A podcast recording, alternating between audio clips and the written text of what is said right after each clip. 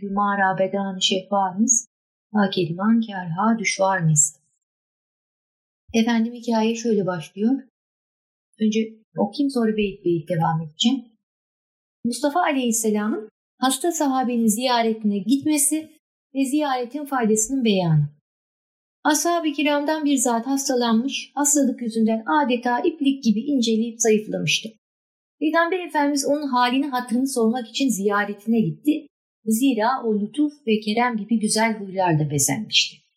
Şu halde senin de böyle durumlarda hastaları ziyaret etmen gerekir ki bu ziyaretin senin ahlakın üzerinde tesiri vardır. Bu iadetin birinci faydası ziyaret ettiğin kişinin bir kutup ya da Allah sevgililerinden biri olması durumunda açıkça görülür.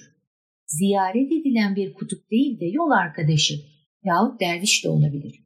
Şah değilse belki atlı bir askerdir ki bunlar da çok değerli. İnat ve kabiliyetsizlik gibi nedenlerle iki gözün sağlam görmediği için sen sıradan odun ile öd ağacının arasındaki farkı ayırt edemeyebilirsin. Şu halde sana bir nasihat vereyim. Alemde bir hazine buldun ise o hazineyi içine gömülü olduğu harabeden ve harabeyi de kendisindeki defineden ayrı bilmeye. İnsanların sırlarını aşikar göremediğin için her karşılaştığın dervişe hüsnü zan ile yaklaşman, bir işaret gördüğün zaman da edep ve hürmeti arttırman gerekir. Madem ki senin gözün batını görmede keskin değildir, o vakit en sağlam yol karşılaştığın her kimseyi, her dervişi hazine-i ilahiden bir parça gibi bilmendir. Sana düşen her vesileyle tarikat kardeşini ziyaret etmek ve bu hususta piyade ile süvari arasında ayrım yapmamaktır. Sana düşmanlık eden kimseye gelince ona ihsan ve iyilikte bulunmak da düşmanlık ateşini söndürecek en güzel bir davranıştır. Zira ihsan kim için en etkili merhemdir. Yaptığın bu iyilikler vesilesiyle o kimse büsbütün senin dostun olmasa da günden güne kini azalacaktır. Hasta ziyareti bu bahsettiğimden başka çok daha faydaları vardır. Ancak bu bahis uzar da bıkkınlık gelir diye çekinirim. Hasılı sana diyeceğim o ki her vakit bir cemiyetin refiki ol, yoldaşı ol. Kalbi taş gibi katılaşmış olanları iyilik ve ihsan ile hak yoluna davet et. O kimseyi de bu mana kervanına katmak için gayrette ol. Kalbi taşlaşmış olanı da. Zira cemaat rahmetli kaidesince kervan halkının sayıca çok olması güvenlik vesilesidir. Efendim, biraz Farsçasından okumak istedim bu hafta. Es-sehabe hacihai bimar şüt, van deran bimariyeş küntar şüt. Ashab-ı kiramdan bir zat hastalanmış, o hastalık dolayısıyla ipliği gibi zayıflamıştı. Şimdi hastalık nedir diye buradan başlayacağız. Hastalık Allah cümlemize afiyet versin öncelikle. Arapça maraz kelimesiyle ifade ediliyor. Maraz demek kişiye arız olan durumdur. Geçici bir durumdur. İllet de denir. Arıza olan sonradan onun muvazin olan sağlık durumuna, fiziksel durumuna yahut ruhsal durumuna ilişen ve geçici olan bir durumdur. Asıl olan güzelliktir, iyiliktir, esenliktir, huzurdur. Efendim neden kişiye maraz hasıl olur? Tabii ki geleneğimizde malum halimiz imtihan dünyası. İmtihan edilmediğimiz bir dünya yok. İmtihan dünyasında yaşıyoruz. Dolayısıyla kah öyle oluyoruz, iyilik, güzellik, kah devir dönüyor, değişiyor, bir zorluk isabet ediyor. Dolayısıyla allah Teala Kur'an-ı Kerim'de de buyuruyor ki namaz kıldık, oruç tuttuk, müminiz çok şükür, demekle bırakılacaklarını mı zannettiler? Hayır. Hastalıklar, maldan azalma, eldekinin elden çıkması, umulmadık beklenmedik zorluklarla imtihan olunurlar ve böylelikle de yine Kenar Fahri Hazretleri'nde belirttiği gibi kişinin ezeldeki nasibi neyse, ismi neyse, hakikati neyse bu dünyada da o imtihana verdiği cevap ile kendi kendine imzalamış olur. Kendi hakikatini, kendindeki hakikati, hakkın o tecellisine verdiği cevap ile aşikar etmiş olur. Kişi kendini bilmek gibi marifet olmaz derler. Kişi kendini nasıl bilir? Yaşadığı hadiselere gösterdiği cevaplarla bilir. Hastalık, maraz, zorluk anında Hz. Peygamber aleyhisselam diyor ki sabır ilk sadmede olur. Sabır ilk sadmede olur. Önce bir vav ilahi ortaya vermek, ondan sonra toparlanmak, bu hemen her vasat kulun, her insanın yapacağı şeydir yani. Zorluk anında ortalığı ayağa kaldırıp sonra sakinlemek aklın gereğidir yani. Her akıllı insan bir süre sonra bu hadisede geçecek bakalım neresinden tutacağız diyerek zorluğun nasıl aşılacağına odaklanır. Ama hakiki anlamda sabır, şükür, rıza ehli olan kimseler ilk sadmede bunu gösterirler. Ben bugün düşünüyordum bu hadis ve ülkemizin halini, durumunu. Ülkemizin de bir seyri sülükü olduğu, Türkiye Cumhuriyeti'nin de bir seyri sülükü olduğu düşünülecek olursa çok şükür seyri sülükün tamamlamak üzere olduğunu görüyorum. Hakikaten olgunlaşma sürecinde. Çok metin bir ülkeyiz. Yani ilk sadmeye verdiğimiz cevaplar başka milletlerle kıyaslanamayacak kadar ileri seviyede. Kemal, kemali oldukça Türkiye Cumhuriyeti'nin seyri sülükündeki kat ettiği yol çok çok ileride. Aynı şekilde kişinin kendi hayatında da bu ona bir ayna tutar. İlk anda bir telaşa mı kapılıyor yoksa hazımlı ve sabırlı olup sonraki şeyleri arkasından işte rıza gelir, şükür gelir. Allah'a sığınma gelir. Maddi manevi e, desteklerle daha da olumlu hale gelir insan. Hepimiz bir kendimize bakalım bu yaşadığımız hadisede ortalığı ayağa mı kaldırıyoruz? Yoksa sabırla nasıl bunu aşacağımızı Allah'a sığınarak nasıl aşacağımızı olumlu, umutlu olmanın yollarını mı arıyoruz? Yine Mekin Arif Hazretleri diyor ki insanlar Allah'a, peygambere, ahiret gününe iman ettiklerini söylemekle bırakılmazlar. Türlü şekillerde imtihan olurlar. Allah cümlemize afiyet lütfetsin. Ta ki iddialarının doğru olup olmadığı meydana çıksın, doğrucular ile yalancılar birbirinden ayrılıp belli olsun diye. Geldiği vakit bir zorluk hemen müminle münkir, münafık hatta hemen anlaşılır. O kadar böyle bir şeye gerek yok yani. Hava biraz sıcak olsa öyle uzağa gitmeyelim yani. Biraz sıcak olsa, biraz soğuk olsa o vakit dahi kimin ne olduğu ortaya çıkar. Sufiler çok dikkatlidir. İlk dönem sufileri özellikle. E, hava çok sıcak dediğinde bir sufi hemen suratları asılırmış. Niye ki dersiniz şimdi? Çünkü çok burada hakkın takdirini bir yorumdur. Yahut az, çok. Bu gibi, bu gibi ifadeleri sufiler kullanmaz. Hakkın isimlerinin tecellisine kıyasla onu dikkate alarak iyi sıcak. Şimdi de kullanıyoruz onu. Yahut sağlam kış, iyi kış ifadelerini kullanırlarmış. Değil mi? Madem ki mevsimdir, e, Hakk'ın e, Celal isminin tecellisidir. Tabii ki üşütecek. Madem ki Cemal tecellisidir, Allah'ın Elbas tecellisidir. Madem ki mevsim bahardır, yazdır. Tabii ki esenlik getirecek, sıcaklık getirecek. Olgunlaştırmak için meyveleri o sıcağı hararetlendirecek. Dolayısıyla kendimize kıyasla değil, fakat hadiseleri Hakk'ın isim ve sıfatlarının alemdeki tecellisine nispetle görmeye çalışmalıyız. Bizim bütün yaptığımız şey bu zaten. Bütün okumalarımızla, çalışmalarımızla yaptığımız şey hadiseleri kendi gözümüzle değil, hak nazarıyla, alemi hak nazarıyla görmeye çalışmak.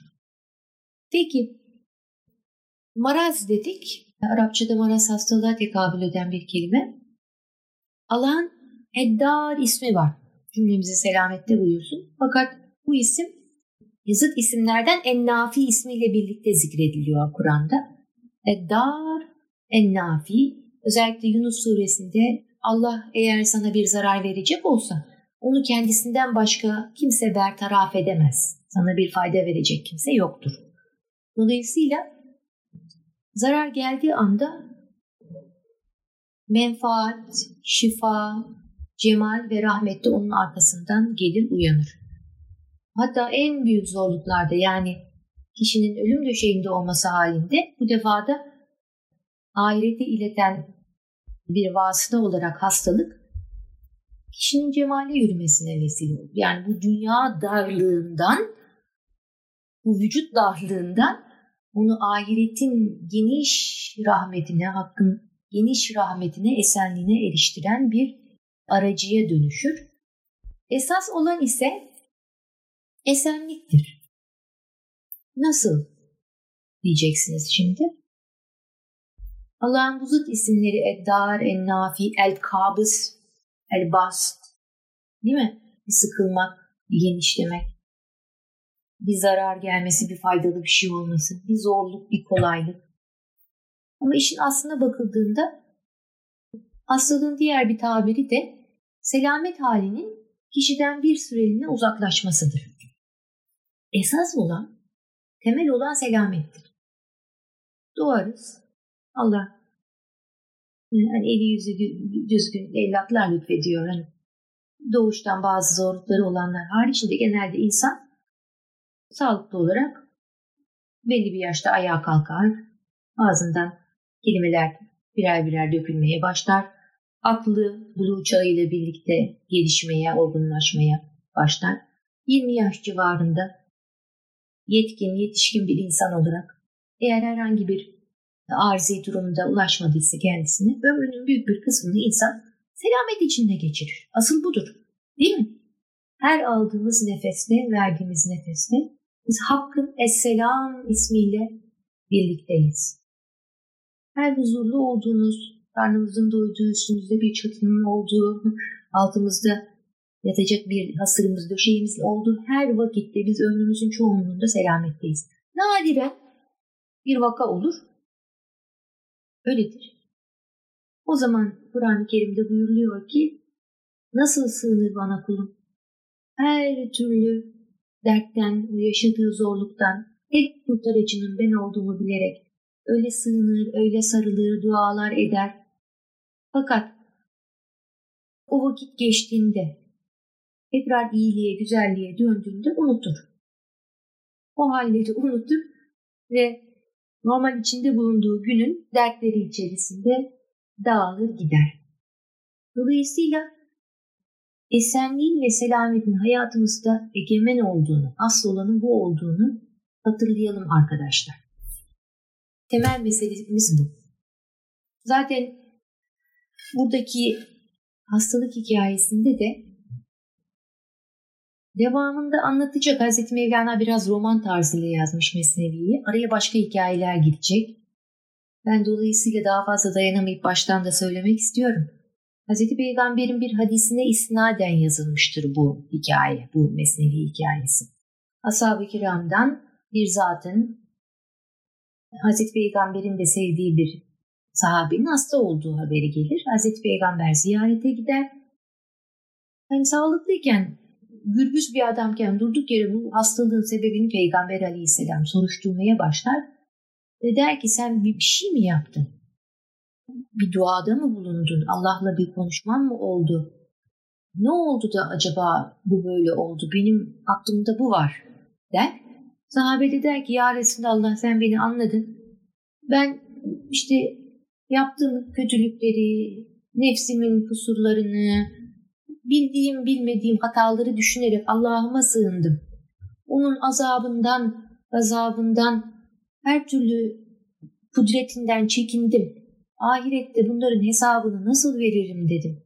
O vakit ahirete kalmadan varsa bir kusurum, yanlışım onun cezasını burada ver Allah'ım diye ben yalvardım Allah'ıma demiş. Hasılı olduğu gibi gönlünü açmış. O zaman Hazreti Peygamber aleyhisselam da işte ben şimdi anladım diyor hadiseyi. Çünkü asıl olan saadettir, selamettir. Durup durduk yerde insanın başına böyle bir şey gelmez diyor Hazreti Peygamber. O zaman ona bir dua öğretiyor. Bunu da şimdi biz hepimiz hayatımıza bir şiar olarak alalım. Sen öyle diyeceğine deseydin ya Rabbena atina fid dünya haseneten ve fil ahireti haseneten ve kına azabennar. Allah'ım Sen bana bu dünyada güzellik ver, iyilik ver. Ahirette de iyilik ve güzellik ver. Bakın a azabenna ve ateşin azabından beni koru diye dua etseydin ya diyor. Bundan sonra da böyle dua et diyor. E, nitekim namazda da biz bunu yapıyoruz. Namazda selam verdikten sonra ne diyoruz? Allahümme entes selam ve minkes selam. Tebarek de ya zel celali vel ikram. Allah'ım e, selam sendendir, esenlik sendendir. Selamette olmak ancak senin izninledir.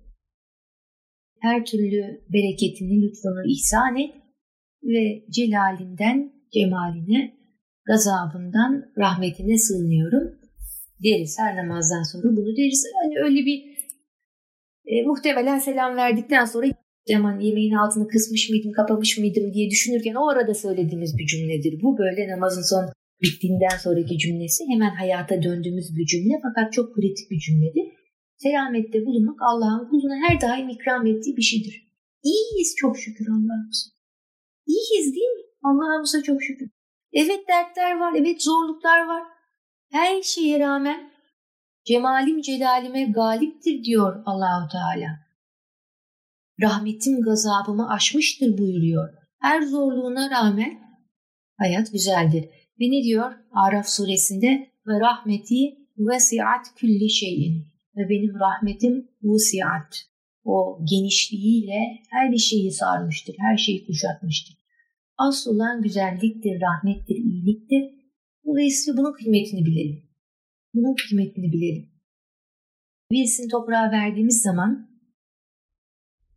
hep aklıma gelen şudur. Biz toprağın üstündeyiz. Şu an, bugün buradayız. Dolayısıyla bunu nasıl en güzel şekilde değerlendirebiliriz? Sonsuz renk değil. Ama burada bulunduğumuz süreyi, yani elimizin ayağımızın işlediği, iş görebilecek, nefsimize, ailemize, topluma, insanlığa faydalı ve örnek olabilecek bir haldeyiz. Bunu nasıl daha iyi değerlendirebilirim? Nasıl kendime odaklanmam da bu güzelliğe, bu selamet haline katkıda bulunmaya odaklanabilirim? Bunu düşünmemiz lazım. Her sabah kalktığımızda bu niyette kalkmamız lazım inşallah. Peki. E, bir de Esselam isminin Kenar Rifai Hazretleri buyuruyor. Nail olmanın, Esselam ismine nail olmanın en, en temel işareti neymiş? Zamanın nasıl geçtiğinin hissedilmemesi, kişinin Allah'ın el-Basit, Es-Selam, En-Nafi, Er-Rahim isimlerinin tecellisi altında olduğunu gösterir. Hal böyleyken kimi vakit tüm bunların içindeyken, tüm bu hak isimleriyle buluşmuş olduğumuz halde bazen böyle kara kara düşünüp dertlendiğimiz, kederlendiğimiz vakidir. Allah affetsin cümlemizi hepimizin vakit vakit öyle halleri oluyor. Halbuki Allah hep bizimledir. Bunu bilen de, bunu bilen de nerede olursa olsun, Yunus Aleyhisselam'ın balığın karnında oluşu gibi değil mi? İnni küntümüne zalimin ben ettim Allah'ım ben buldum demiştir orada. Bize de örnek olmuştur. Yusuf'un kuyudaki hali, İbrahim Aleyhisselam'ın ateşin içindeki hali, onlar bizim için en büyük örnektir. Bunlar her daim yerde gökte. Değil mi? İsa'da, İdris'te, onlar da göğe yükseldiler. Dolayısıyla onlar bize her daim haklı olmanın kulun makamı olduğunu, evi olduğunu gösterdi. Güvenli yeri, evi nereye kuralım? Güvenli yeri, güvenli zemini hakta bulabiliriz ancak arkadaşlar. Biraz sizi neşelendirmek için bir şey anlatayım. Şimdi Ahmet Avni Konuk Hazretleri'ni çalışıyorum, anlattım size. Posta Telgraf Nezaretinde umum müdür yardımcılığı ve yine posta teşkilatında daha sonra umum müdür yardımcılığında bulunuyor. 1934'e kadar 30'a kadar vazifesine devam ediyor. 43 yıl. Şey de yok o dönemde. Cuma günleri tatil ekseriyetle ama yıllık izin diye bir şey de yok. Dolayısıyla hastalık dönemi haricinde başladığı 20 yaşında başladığı görevine 43 yıl boyunca devam etmiştir bu yazı nerede geçireceğim diye öyle bir endişeleri yokmuş Osmanlı 19. ve 20. yüzyıl bürokratlarının, memurlarının böyle bir şey yok, tatil yok. Bayramda bir iki gün aile ziyareti. Hasılı şeyhinin vefatından sonra Selanikli Mehmet Esat Efendi'nin vefatından sonra meşrutiyetin ilk yıllarında işgal döneminde Anadolu'daki Kurtuluş Savaşı sırasında Hususul Hikemi ve Tedbirat-ı İlahiye adlı İbn Arabi'nin muazzam eserlerini özellikle Cumhuriyet'in kuruluşu sırasında onu şerh ediyor. Yine işgal İstanbul'u yıllarıdır 1919-1920 Ahmet Amiş Efendi Fatih Türbedarı Fatih Külliyesi'nde doğrudan Fatih Sultan Mehmet Hazretleri'nin türbedarı olan Sufi, Büyük Sufi Ahmet Amiş Efendi'yi ziyarete gitmeye başlıyor. Aralarında yedi sohbet geçiyor, yedi ziyaret, yedi buluşma. İlk gittiğinde soruyor ve buna devam ediyor sormaya Amiş Efendi. Nerede oturuyorsun diyor.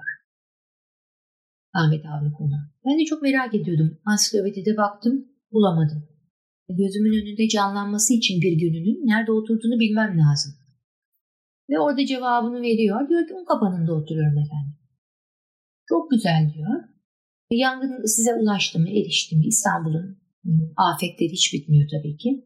Efendim bize kadar gelmedi diyor. Orada bitti. İkinci gidişinde sen ne tarafta oturuyorsun, nerede oturuyorsun diyor. Ahmet abi konuk tabii arifane bir şekilde ilk cevabından sonra artık farklı cevaplar vermeye başlıyor. Efendim hakta ikamet ediyoruz diyor. Nerede oturuyorsun? Deyince Amiş efendim biz hakta ikamet ediyoruz efendim diyor. Ve her gidişinde Ahmet Amiş Efendi Ahmet abi konuya bu soruyu soruyor farklı bir cevap ediyor. Diyor ki haktaki ikametinizde sabahları erken kalkar mısınız? Yoksa kuşluğa kadar uyur musunuz? Ahı enin eder misiniz hakta? E, yoksa uyur musunuz? O da diyor ki kah kahi uyuruz hakla, kahi ahı enin ederiz onda diyor. Beni çok etkiledi. Uyanık olmak lazım. Evet adresimiz bellidir. İkametgahımız bellidir muhtarlığa giderseniz çıkar. Fakat nerede oturuyorsunuz deyince kişinin hakta oturması lazım. Hakla oturması, onunla kalkması lazım. Onunla yol alması lazım. Ve bunu da bu latif kelimeden tekrar hatırlattı allah Teala. O da bana yine şunu hatırlattı. O da benim hayatımın bir nüktesidir. Yine 1999 yılıydı herhalde deprem öncesinde büyük bir Anadolu turuna çıktı. Doğu Anadolu, Güneydoğu Anadolu. Karadeniz'e kadar gittik. Çok iki hafta boyunca yoldayız. Bir akşam konaklıyoruz, bir akşam geziyoruz. Bir gün geziyoruz. Otobüste uyuyoruz. Sümele Manastırı'na geldiğimizde ben artık bitmek üzereydim böyle yani. Ateşim çıkmış. Ama dedim illa ben göreceğim bu Sümele Manastırı'nı. İki kolumdan tuttular beni. Çıktık. Çıktık. Eski hali şimdi renove edildi. Girdik içeri. Ben ayakta duramıyorum zaten doğrusu. Tabelaya baktım. Tabelada diyor ki dikkat zemin çökebilir, taş düşebilir. Nasıl dedim?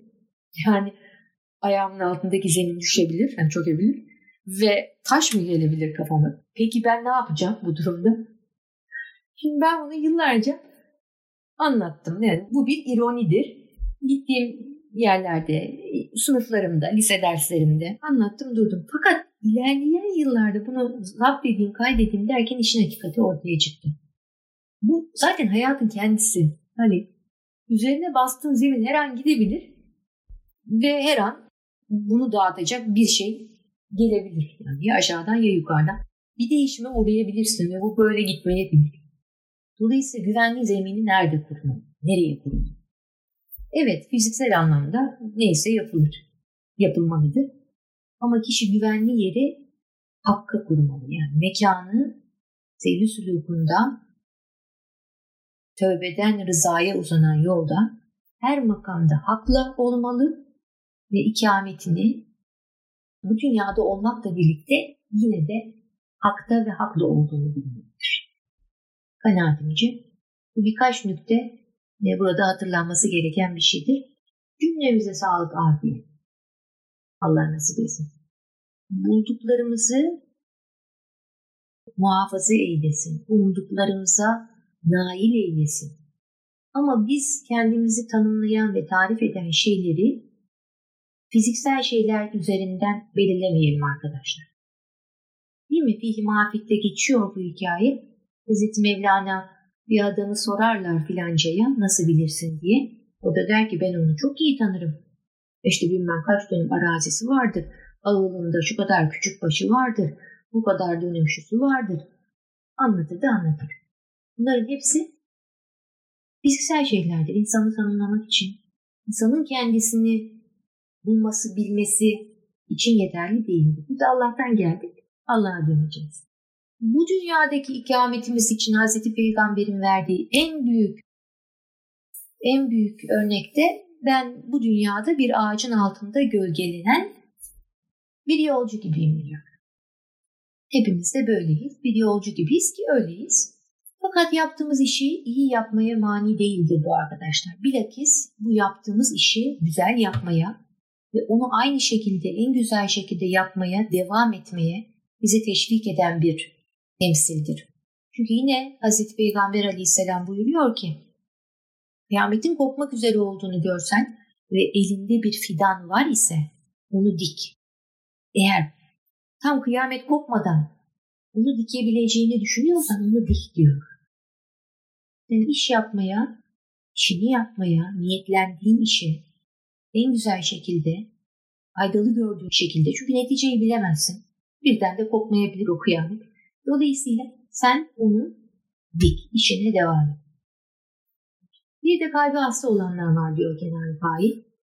Buna da dikkat etmeli. Kişinin selamette olması, fiziksel anlamda koşullarının iyi olması, afiyette olması kadar kişinin yine kendi nefsinden kaynaklanabilecek zorlukların elinden de selamette olması çok önemlidir. Değil mi?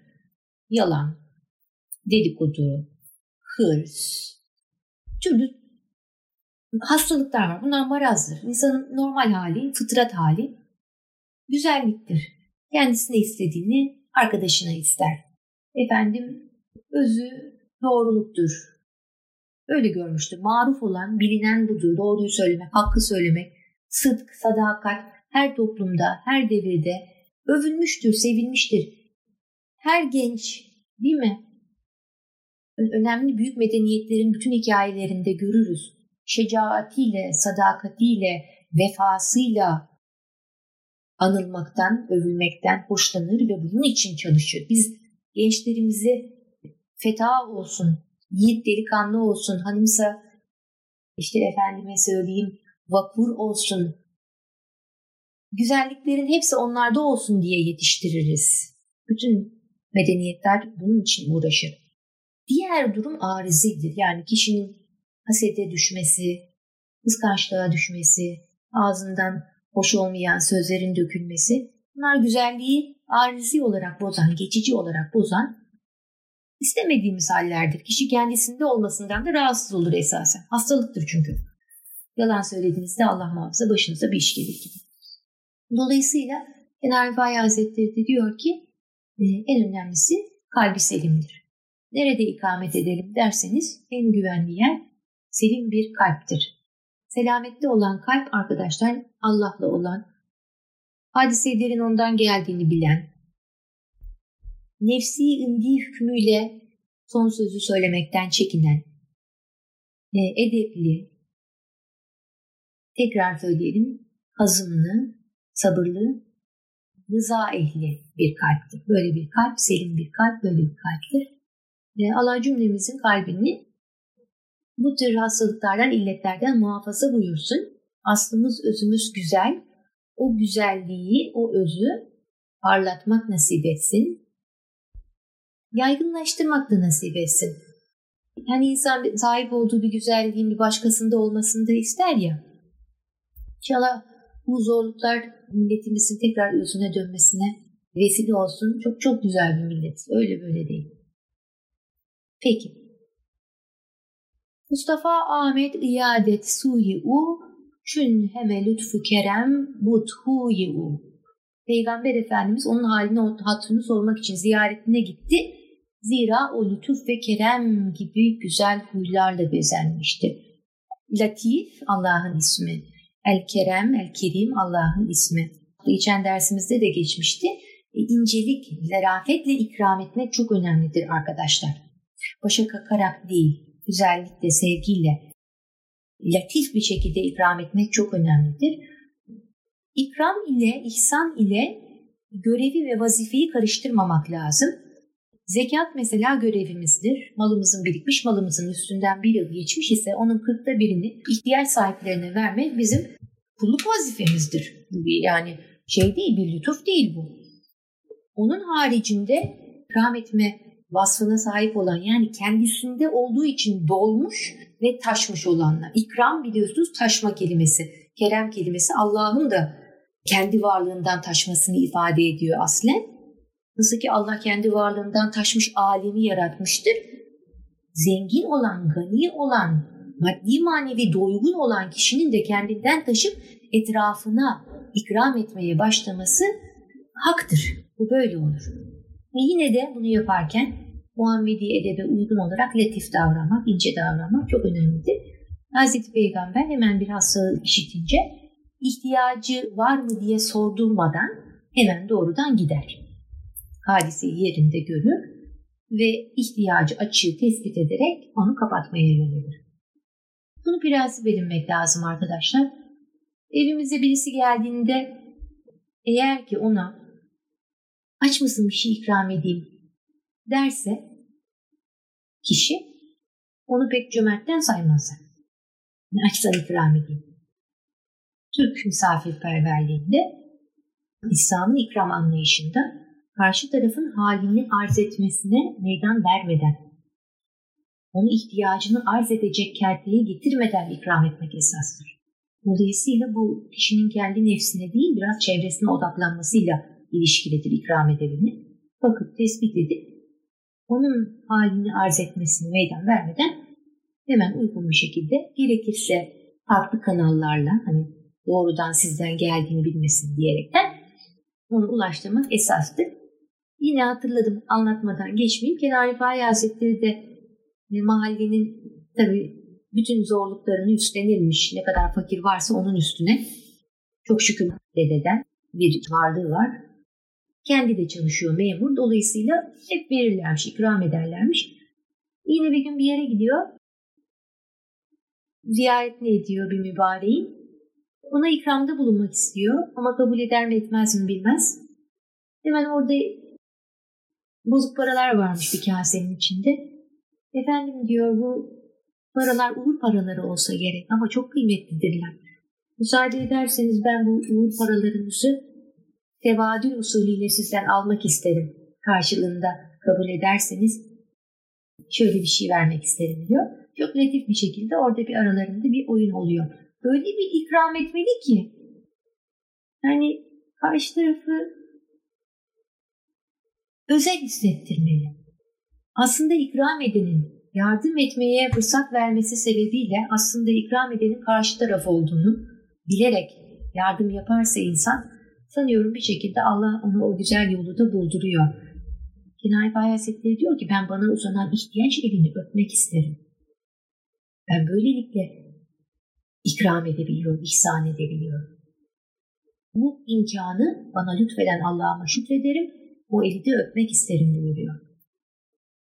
Eyvallah. Peygamber Efendimiz'den işte onun güzel ziyaretlerinden bize geliyor bu. Bir örnek verelim onun hayatında. Hazreti Mevlana'nın söylediği gibi çok bıktırmadan.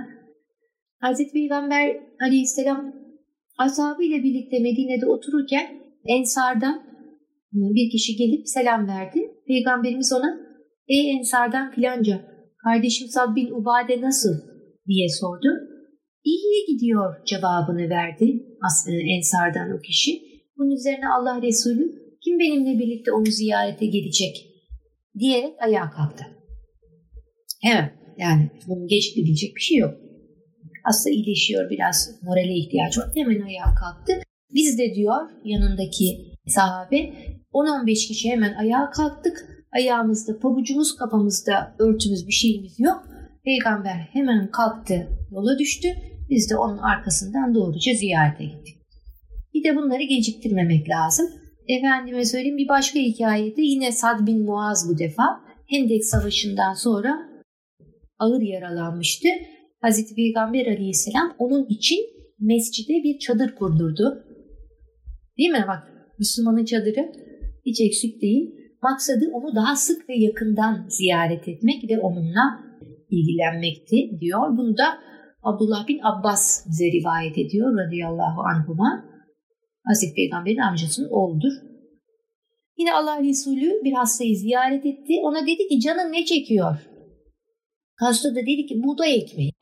Kolay bulunur bir şey değil o dönemde biliyorsunuz. Nereden bulacaksın çölde buğdayı da ekmeği de onu da.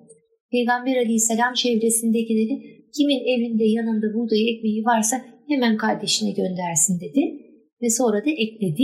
Şayet hastanız bir şey arzu ederse ona yedirin buyurdu. ikram edin buyurdu. Böyle yapmalı. Hani biz kafamıza göre bir şey, yapıyoruz ama ne istiyorsa sormak, canın ne çekiyor hemen onu bulmaya çalışmak da çok çok âlâ bir şey. Böyle incelikleri biz nereden öğreniyoruz? Nereden bileceğiz biz bunları? Peygamber Efendimiz Aleyhisselam'dan ve mübareklerden bize bugüne geliyor. Güzel damarlar hiç kurumuyor arkadaşlar. Hep akıyor. Kevser şarabı bu dünyada ahirette bakidir. Der iade dreften tu faide est, faide anbaz batu aide est. E şu halde böyle durumlarda hastayı ziyaret etmek gerekir. Bu ziyaretin senin ahlakın üzerinde çok faydası var. Özellikle şimdi bu fayda, fayda özellikle nerede var? Faide evvel ki anı şahsı Ali bu kutbi başedu şah celil. Birinci faydası şudur. Sen bilirsin bilmezsin. Basiretin açıktır, görürsün yahut değildir görmez. Onu bilmem diyor. Ama o kişi bir kamil olabilir. Allah sevgisi zamanın kutbu olabilir. O halde onu ziyaretten senin bilmediğin çok faydeler hasıl olur. Büyüklerin meclisine gitmekte hep fayda var. Özellikle o şey zamanında gitmenin, özel zamanda gitmenin değişik ikramları oluyor. Bir de ikram etmeleri büyüklerin enteresandır. Hasta zamanında onu ziyarete gidersin, o sana bir şey ikram eder. Ona bir şey verilmiştir, lokum. Kendi yiyemiyordur, senin ağzını atar onu. Bunlar arkadaşlar Yunus'un şiirlerinde de geçer. Hocanın elinden yediğin bir üzüm kurusu, bir kayısı kurusu, bir şeyin çekirdeği, falanca elmanın sapı. Bunların insan hayatında idrakinde doğrudan vücudunda mühim tesirleri olur. Tecelliler başlar. Dönüm noktası olur. Dolayısıyla temasın çok faydası vardır. Gidin. Ama diyor sonra Hazreti Mevlana diyecek ki ama piyadedir ama şahtır. Siz ziyarete gidin. Onun görünür görünmez pek çok faydaları vardır. Yine buradan devam edelim. Verne bağışet kut yare rehşebet. Şehne bağışet farisi isbeh şebet.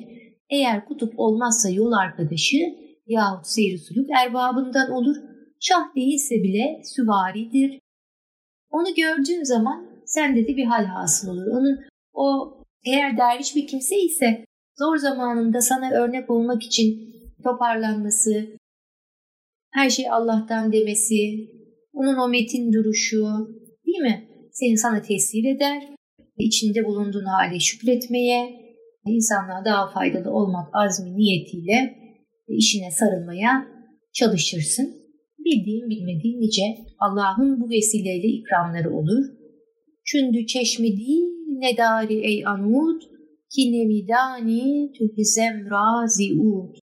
Ha inat ve kabiliyetsizlik gibi nedenlerle iki gözün sağlam görmediği için sen sıradan odun ile öd ağacının arasındaki farkı ayırt edemeyebilirsin. Burası hassas bir konu. Çünkü genci hester alem merenç, hiç viran ramedan hali zi genç. Şu halde sana bir nasihat vereyim. Alemde bir hazine buldun ise o hazineyi içine gömülü olduğu harabeden ve harabeli de kendisindeki defineden ayrı bilmeyesin. Herkes aslında Allah'tan bir gizli hazine ile geliyor. Herkeste bir bilgi var. Biz her insanı bir insan etten, kemikten, ilikten, deriden ibaret zannediyoruz. Fakat her insan Allah'tan bir bilgi, bir ilimle geliyor. Sadece kendisine has, Rabbi has diyorlar. Herkesin kendine has bir Rabbi vardır. Ve vecih has, hakka dönük özel bir veçhesi vardır. Sadece onda olan bir bilgi vardır. Dolayısıyla her insanla buluşmak aslında bir hakla buluşmaktır. Ama sağlığında ama hastalığında insanlarla olan muamelemizi böyle aziz, böyle özel bilelim. Hep bir özel kişi arıyoruz ya bize rehberlik etsin, bir sohbet arkadaşı arıyoruz böyle bir söylediğimize bir netlesin falan. Gerek yok, hiç ona gerek yok. Ya, herkes özel. Allah bir anda o kimseyi, o canı, o teni sizin için özel bir insan haline getiriveriyor. Duymanız gerekenleri oradan zuhur ettiriyor. Öyle bakarsanız herkes de yine sevgiliyle buluşuyorsunuz ve selam. Diyelim bu hikayeyi de böyle e, tamamlamış olalım ve diyelim ki Rabbena atina fid dünya haseneten ve fil ahirete haseneten ve kına azaben nar.